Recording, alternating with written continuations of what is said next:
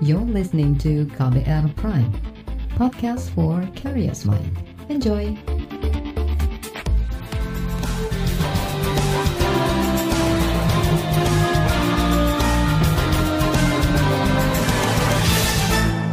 Anda mendengarkan KBR sore hari ini edisi 13 Agustus 2021, saya Reski Mesanto.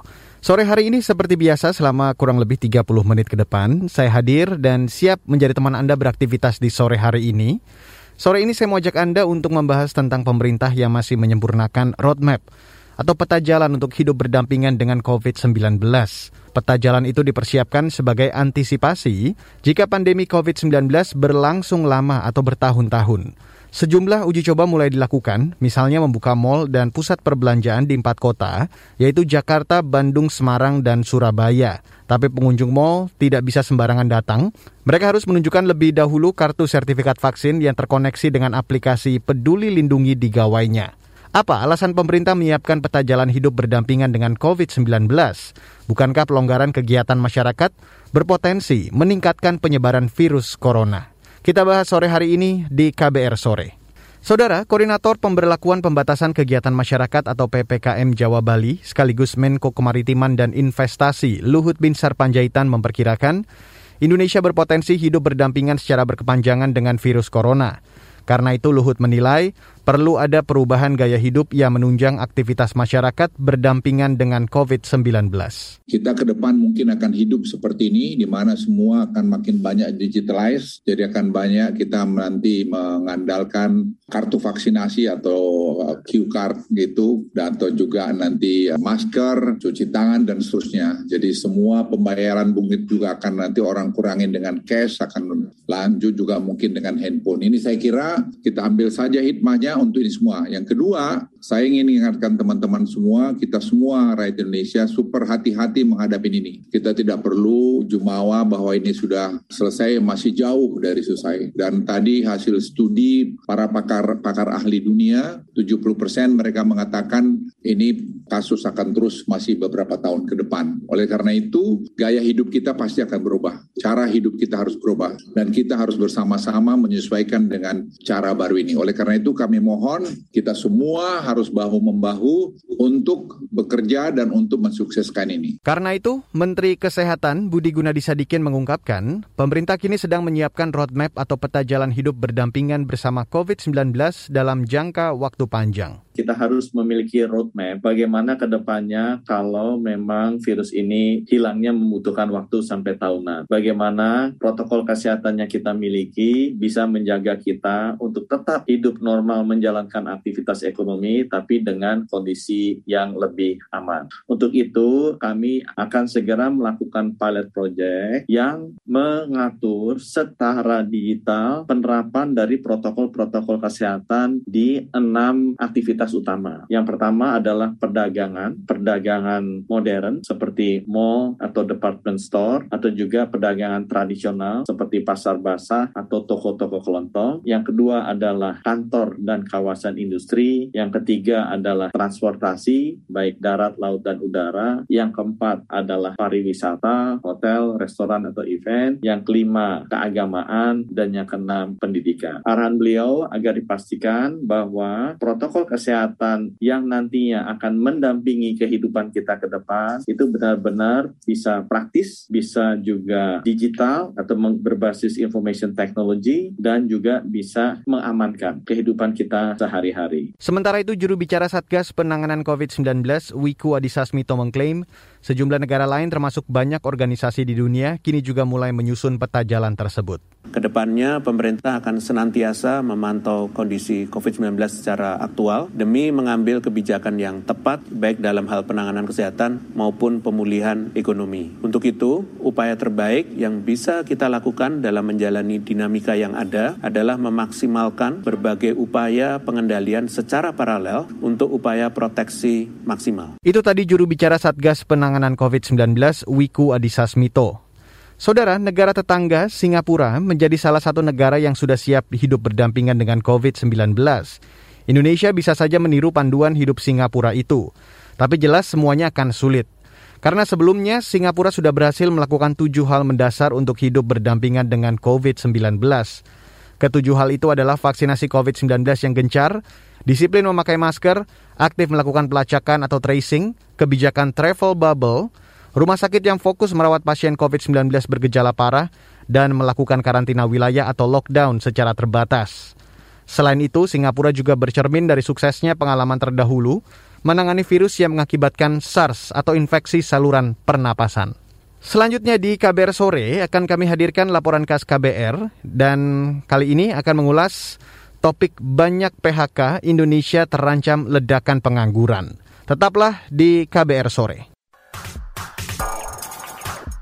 You're listening to KBR Pride, podcast for curious mind. Enjoy.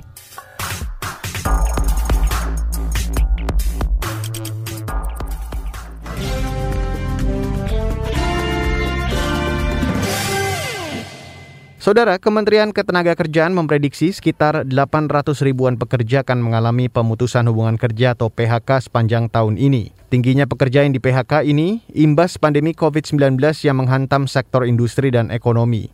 Akibatnya, negara dibayangi ancaman pengangguran massal. Bagaimana solusinya?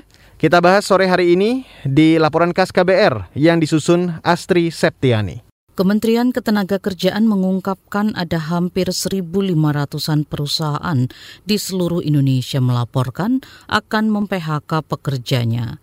Menurut Dirjen Pembinaan Hubungan Industrial dan Jaminan Sosial Tenaga Kerja Kemnaker, Indah Anggoro Putri, banyaknya perusahaan yang mem-PHK karyawannya ini imbas pandemi COVID-19. Berdasarkan data update minggu lalu 6 Agustus, kita mendapatkan data kompilasi daripada dinas-dinas tenaga kerja sebagai berikut yaitu jumlah perusahaan yang sudah melapor ya akan mem-PHK. Saya katakan ini melapor ke dinas untuk PHK ada 1595 perusahaan. Tapi ini belum putus ya, belum belum ikrar, belum putus PHK, baru melapor ya. Ada proses mediasi di situ yang dilakukan oleh dinas-dinas tenaga kerja. Indah Anggoro Putri menyatakan pandemi COVID-19 dan kebijakan PPKM mengakibatkan sejumlah perusahaan mengkoreksi penghasilan pekerjanya. Beberapa bahkan terpaksa menutup total perusahaan karena tak mampu lagi beroperasi. Kemnaker juga merangkum ada dua ribuan laporan kasus perselisihan hubungan industrial yang muncul. Umumnya, kata dia, perselisihan terjadi antara perusahaan dan pekerja yang tidak sepakat dengan kebijakan koreksi upah dan PHK. Kemnaker mempercepat pencairan bantuan subsidi upah atau BSU untuk pekerja terdampak COVID-19 sebagai upaya mencegah jumlah pekerja di PHK lebih tinggi dari prediksi.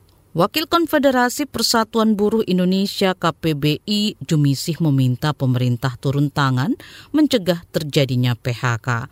Apalagi saat ini kondisi buruh semakin sulit karena terdampak pandemi. Kan saat ini kondisi buruh juga terdampak COVID gitu, bukan cuma pengusaha. Kondisinya sudah ada yang dirumahkan, kemudian di PHK, ada yang apa dibikin kerja sih sehari masuk sehari enggak atau seminggu masuk seminggu enggak gitu. Jadi kondisi upahnya juga sebenarnya kan sudah berkurang. Artinya penghidupannya kan sudah secara ekonomi dan kesehatan itu melemah. Nah dalam kondisi seperti sekarang harusnya pemerintah bertindak untuk mencegah menghentikan adanya PHK-PHK yang selama ini sebenarnya juga sudah terjadi. Karena situasinya nanti akan semakin meningkatkan kemiskinan di buruh gitu. Jumisih juga meminta perusahaan bijak berusaha mempertahankan pekerja tanpa melakukan PHK, termasuk kata dia menghargai kontribusi pekerja yang telah bekerja keras menghasilkan keuntungan bagi perusahaan, bahkan sejak sebelum pandemi melanda. Tidak bisakah pengusaha juga membuka diri untuk tetap mempertahankan usahanya gitu supaya tidak terjadi PHK saya khawatir gitu uh, ledakan pengangguran itu nanti akan berdampak buruk terhadap banyak hal di negara kita. Misalnya daya beli masyarakat menurun, tingkat kriminalitas meningkat, tingkat kemiskinan meningkat, gitu. Itu kan tidak bagus juga. Di sisi lain, ekonom senior Faisal Basri juga menyoroti tingginya angka pengangguran. Dia menyebut pengangguran paling banyak berasal dari tamatan sekolah menengah kejuruan atau SMK. Nah kemudian dilihat dari pendidikan yang menganggur itu di sebelah kanan ya terbesar adalah tamatan SMK. Pusing nggak kita nih? Ya, yang naik kencang juga tamatan SMK dari 8,4 persen menjadi 11,5 persen. Sebelumnya, Badan Pusat Statistik BPS mencatat jumlah pengangguran di Indonesia mencapai 8,75 juta orang pada Februari 2021. Angka tersebut meningkat 1,82 juta dibandingkan periode yang sama pada tahun lalu, yakni 6,93 juta orang. Demikian laporan khas KBR yang disusun jurnalis Astri Septiani. Saya Fitri Anggreni. Saudara, kalangan tenaga kesehatan mengingatkan pemerintah untuk jangan terburu-buru merilis roadmap atau peta jalan hidup berdampingan dengan COVID-19. Apalagi penambahan jumlah kasus baru masih tinggi sehingga riskan bila dilakukan pelonggaran. Informasi selengkapnya sesaat lagi, tetaplah di KBR sore. You're listening to KBR Pride, podcast for curious mind. Enjoy.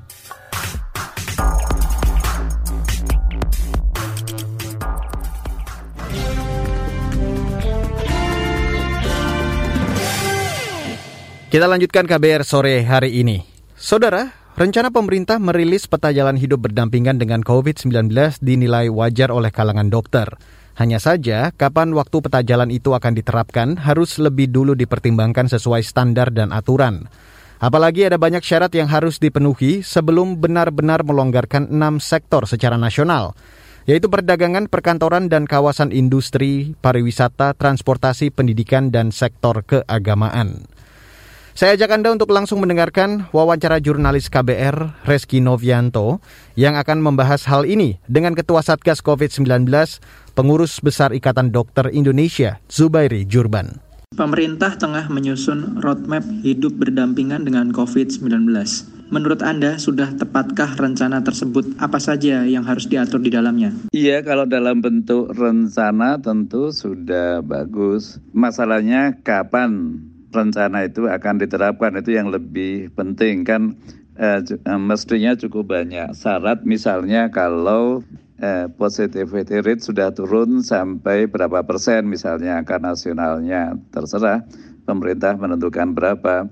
Misalnya kalau angka kematian sudah turun misalnya turun sampai berapa kan sekarang masih di atas uh, eh, 1.500 jadi misalnya katakanlah sudah di bawah 500. Jadi memang eh, kemudian kan beberapa syarat itu vaksin. Yang sudah vaksin misalnya eh, satu meja empat orang. Nah eh, berapa banyak masyarakat sudah divaksinasi supaya adil sebelum roadmap ini dimulai diterapkan? Apakah kita mengambil angka 30% atau 50% jadi eh, supaya lebih jelas. Seperti apa persiapan medis dan juga fasilitas kesehatan saat hidup berdampingan dengan COVID-19?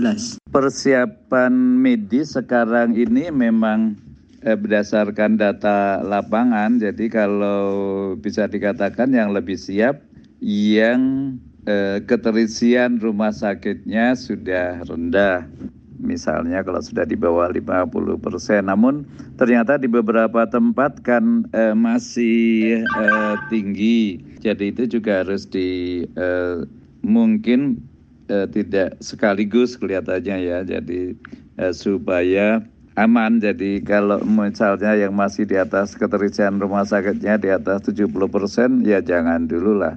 Karena nanti medisnya, nakesnya, eh, rumah sakitnya dan yang terkait dengan medis yang lain menjadi belum siap fasilitas kesehatannya. Bagaimana roadmap hidup berdampingan dengan COVID-19 dapat berjalan di tengah kekebalan komunal yang belum tercipta di Indonesia? Mengenai kekebalan komunal yang belum tercipta, jadi tergantung daripada berapa banyak yang sudah divaksin baru roadmap ini dijalankan. Saya kira eh, pemerintah perlu menghitung eh, supaya ya relatif agak aman lah. Karena jumlah orang yang telah divaksinasi ditambah dengan jumlah orang yang pernah terinfeksi itu bisa dikatakan sebagai kekebalan komunal.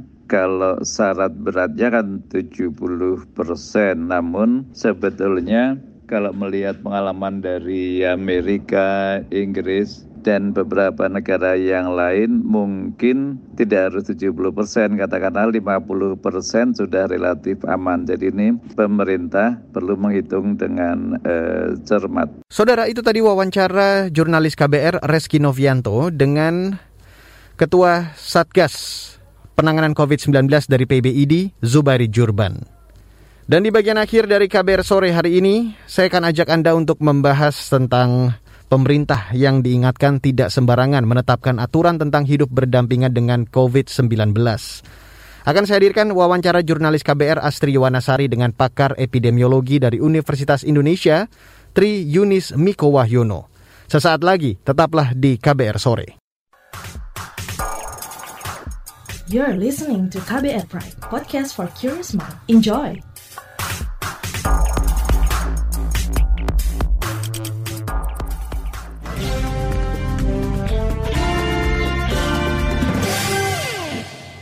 Dan inilah bagian akhir dari KBR sore. Saudara, pemerintah tengah menyusun roadmap atau peta jalan hidup berdampingan dengan COVID-19. Rencana itu merupakan perintah langsung dari Presiden Joko Widodo untuk mengantisipasi kalau-kalau pandemi COVID-19 berlangsung lama hingga bertahun-tahun. Namun kalangan epidemiolog mengingatkan agar pemerintah jangan sembarangan mengonsep peta jalan hidup berdampingan dengan virus corona itu. Selengkapnya saya ajak Anda untuk langsung mendengarkan wawancara jurnalis KBR Astri Yuwanasari dengan pakar epidemiologi dari Universitas Indonesia, Tri Yunismiko Wahyono. Pemerintah membuat peta jalan atau roadmap untuk hidup berdampingan dengan COVID-19, Pak. Nah, apakah hal ini sudah tepat dilakukan saat ini? Berdampingan dengan dengan COVID itu uh, harus jelas konsepnya. Apa yang dimaksud dengan uh, berdampingan dengan COVID. Jadi jangan asal sembarang konsep begitu. Kedua, uh, apakah itu uh, akan endemis pada waktu endemis ataukah uh, uh, termasuk wabah begitu. Jadi harus clear di situasi endemis ataukah di situasi wabah termasuknya. Uh, kemudian harus definisi endemisnya harus clear di setiap kabupaten atau kota. Uh, kalau terjadi wabah apa yang harus dilakukan? Menurut saya uh, seperti itu gitu. Jadi jangan sembarangan uh, hidup berdampingan dengan COVID-19. Salah satu syarat mobilitas adalah sudah divaksin atau menunjukkan kartu vaksin.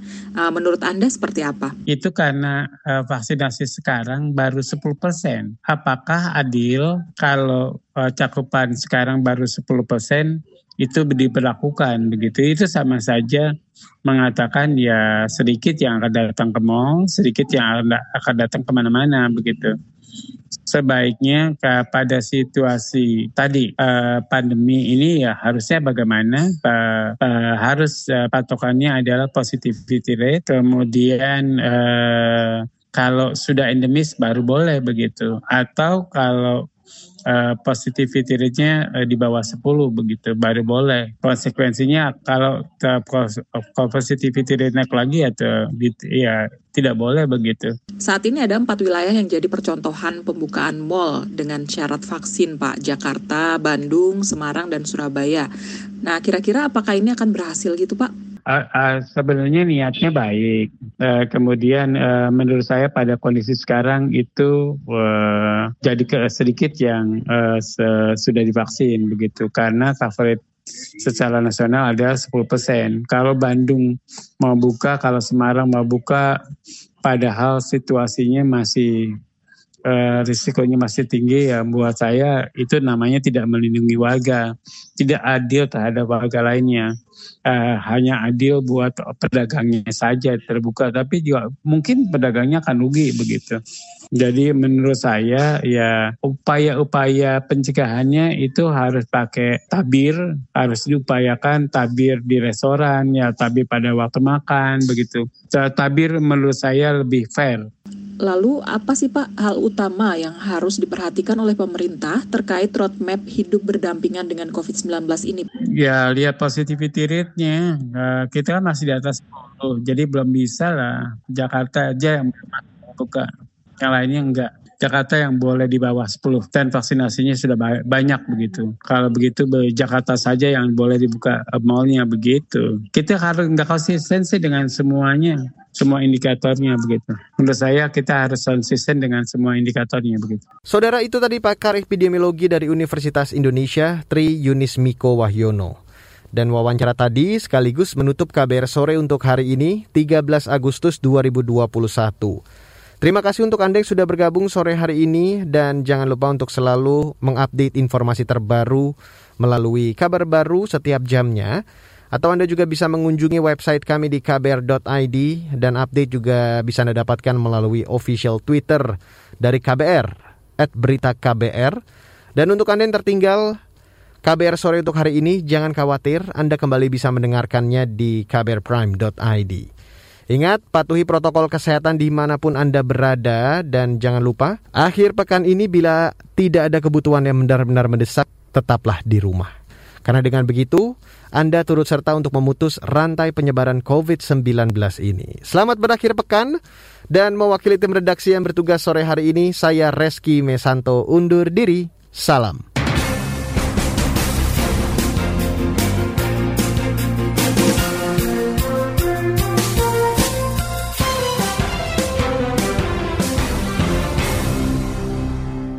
Prime, cara asik mendengar berita. KBR Prime, podcast for curious mind.